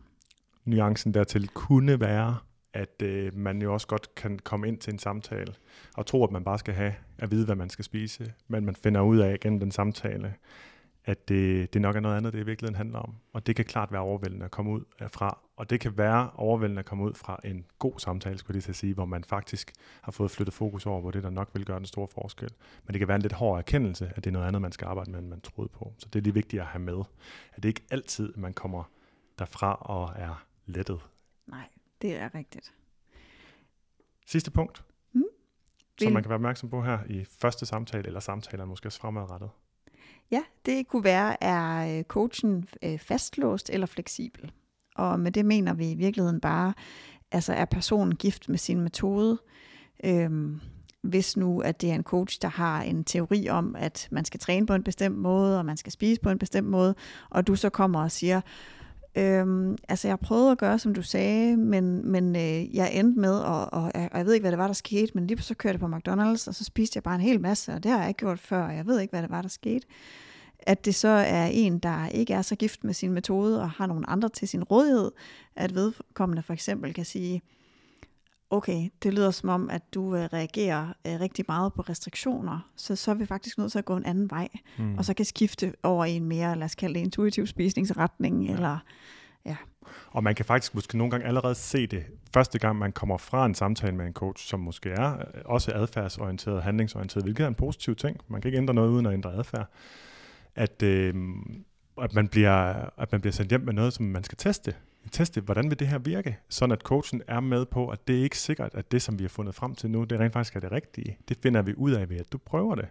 Øhm, det kan vi ikke vide på forhånd, så der er allerede en, øh, det, at man ikke har, hvad hedder det, spillet på en hest og siger, det er det her, der virker, når man har sendt folk, øh, når, du, når man bliver sendt afsted, altså man, man ikke har den oplevelse, det er allerede et godt tegn, kan man sige der, fordi så er der ikke noget tabe ved, når man så kommer tilbage og siger, det virkede altså ikke. Okay, interessant, så vi tjekket det, og vi kan finde ud af, hvad var det, der ikke virkede ved det, og hvad kan vi så bruge den erfaring til. Så man kan egentlig godt, synes jeg, på en eller anden måde i hvert fald fornemme allerede tidligere i processen, måske allerede ved første samtale, er det her en, som har et trick, Ja. Eller er det en, som siger, hey, okay, i din situation, der kunne det her måske give mening. Er du villig til at give det et forsøg til næste gang? Ja, ja. nemlig. Ja, så en, der har en form for faglig fleksibilitet, kunne man også sige, det er en positiv ting. Det er en, der har mange redskaber hvis man, hvis man skulle kalde kostplan et redskab, så skulle det så være det ene af de mange øh, redskaber. Det vil jeg mene, det ikke sådan rigtig er. Nej. Øhm, fordi det igen baseres på ideen om viljestyrke og, og, og selvdisciplin. Ja. Men kan tilpasse sin tilgang efter dit behov. Ja. Og et, et meget lille konkret eksempel kunne være, at hvis du øh, fortæller, at øh, du tænker meget negativt om dig selv, og du er meget hård ved dig selv, og at den periode, hvor du så har prøvet at spise og træne anderledes, at der er du faktisk bare blevet endnu mere hård ved dig selv, at så har du en, en coach, der kan sige, ved du hvad, vi kunne også gøre det, at vi skiftede fokus til at arbejde med øh, kropsaccept og selvomsorg. Det skal vi ikke, men det skal du bare vide, at det kan vi også gøre, fordi for mange er det øh, skal man sige, en grundsten til, at man overhovedet kan være god ved sig selv i den her proces, og det lyder som om, at det er svært for dig. Mm så er vi vel lige så stille nået til afslutningen. Det tror jeg, vi skal sige. øhm, jeg vil sige, lad os lige slutte af med, eller runde af med at sige også, at der er jo selvfølgelig masser af flere nuancer til det, det er svært for os at, at, at holde det her kort. Og, øhm, der er masser af situationer, man ligesom skal forestille sig, og samtaler, man skal forestille sig, og der kan være måder, hvor dygtige mennesker kommunikerer dårligt, og øhm, altså ikke kommunikere noget andet, eller hvor det falder ind under det, som vi har talt om, som man måske skal være opmærksom på. Men så det igen, det er ikke sådan at sige, hvis nogen gør sådan, så er det helt forkert, men, men, men vær opmærksom på de ting, og sigt efter det, som vi har forsøgt at, at fremme her, øhm, og have fokus på her i podcasten. Ja, og man kan sige, at der er jo mange også meget velmenende coaches, og det er også vigtigt for os at sige, at, og som vi også har sagt tidligere i dag, at vi har jo også selv været der, hvor vi manglede redskaber til det her, og hvor vi ikke vidste, at vi manglede de redskaber. Mm. Så det er meget vigtigt for os at understrege, at der er ikke nogen af dem, som øh, skal man sige, sælger coachingforløb på den måde, vi har beskrevet som noget negativt, som vi rent faktisk tror har dårlige øh, intentioner overhovedet. Vi forstår det ganske udmærket. Ja, ja, altså der, jeg har gjort de fleste, jeg har ald- aldrig øh, kom, jeg kommer aldrig forbi kostplaner, men det her med i hvert fald at overvælde med gode jeg. råd, for eksempel. ja. øhm, det, det, det, kender vi alle sammen. Vi kender, vi kender de positive drivkræfter bag, at, øh, at, øh, at, at, at have ideen om, uh, her kan jeg hjælpe, så her må jeg hellere fylde noget på. Og øh, måske også, at man kan være overbevist om, at man kan hjælpe alle. Øhm, så det er ikke bare noget, man biler sig ind, øhm, eller biler nogen ind. Så det er og ja. man, også det der med, at man kan tænke sådan, jamen hvis jeg nu skifter over til, at så er det lidt sms-kontakt, og så er det sådan, jamen så kan jeg jo have mange flere klienter igennem, og så kan jeg jo mm. hjælpe mange flere. Ja. Det behøver jo som sådan ikke at være en markedsføringsstrategi at have mange klienter. Det kan også godt være sådan en mere, skal man sige, jeg vil kalde det altruistisk, men det er det forkerte ord. Jamen, jeg bare for træt til at finde det Nej, rigtige nu. altruistisk, det lyder, det lyder rigtigt nok. Det var ja. det, jeg ville have valgt i hvert fald. Okay, godt. Ja. Men, øh, men så, det, så det er i hvert fald, det er lige vigtigt for os at slutte af med at sige, at det er ikke en, en kritik af mennesker, det er Nej. mere en, en kritik af en tendens. Ja, ja, absolut. Ja, du siger, du er træt. Det har også været en, en lang podcast, vi har optaget ud i en. Jeg kan også godt mærke, at jeg får svært ved at formulere mig øh, sammenhængende nu, så jeg tænker også, det kan god mening at trække stikket for den her gang, øh, ja, så vi ikke kommer til at bare vrøvle helt her til sidst. Mm. Så det var altså alt, hvad vi havde at byde på i dag. Som sagt, der er mange flere pointer, og ikke mindst nuancer. Men vi håber på, at øh, dig, kære lytter, nu er lidt bedre rustet til at vælge den rette hjælp til dig selv, eller måske til at hjælpe en bekendt med ikke at falde for noget markedsføring, for noget andet end det, de egentlig har brug for. Anne, tak for i dag. Selv tak. Og tak til dig, der lyttede med.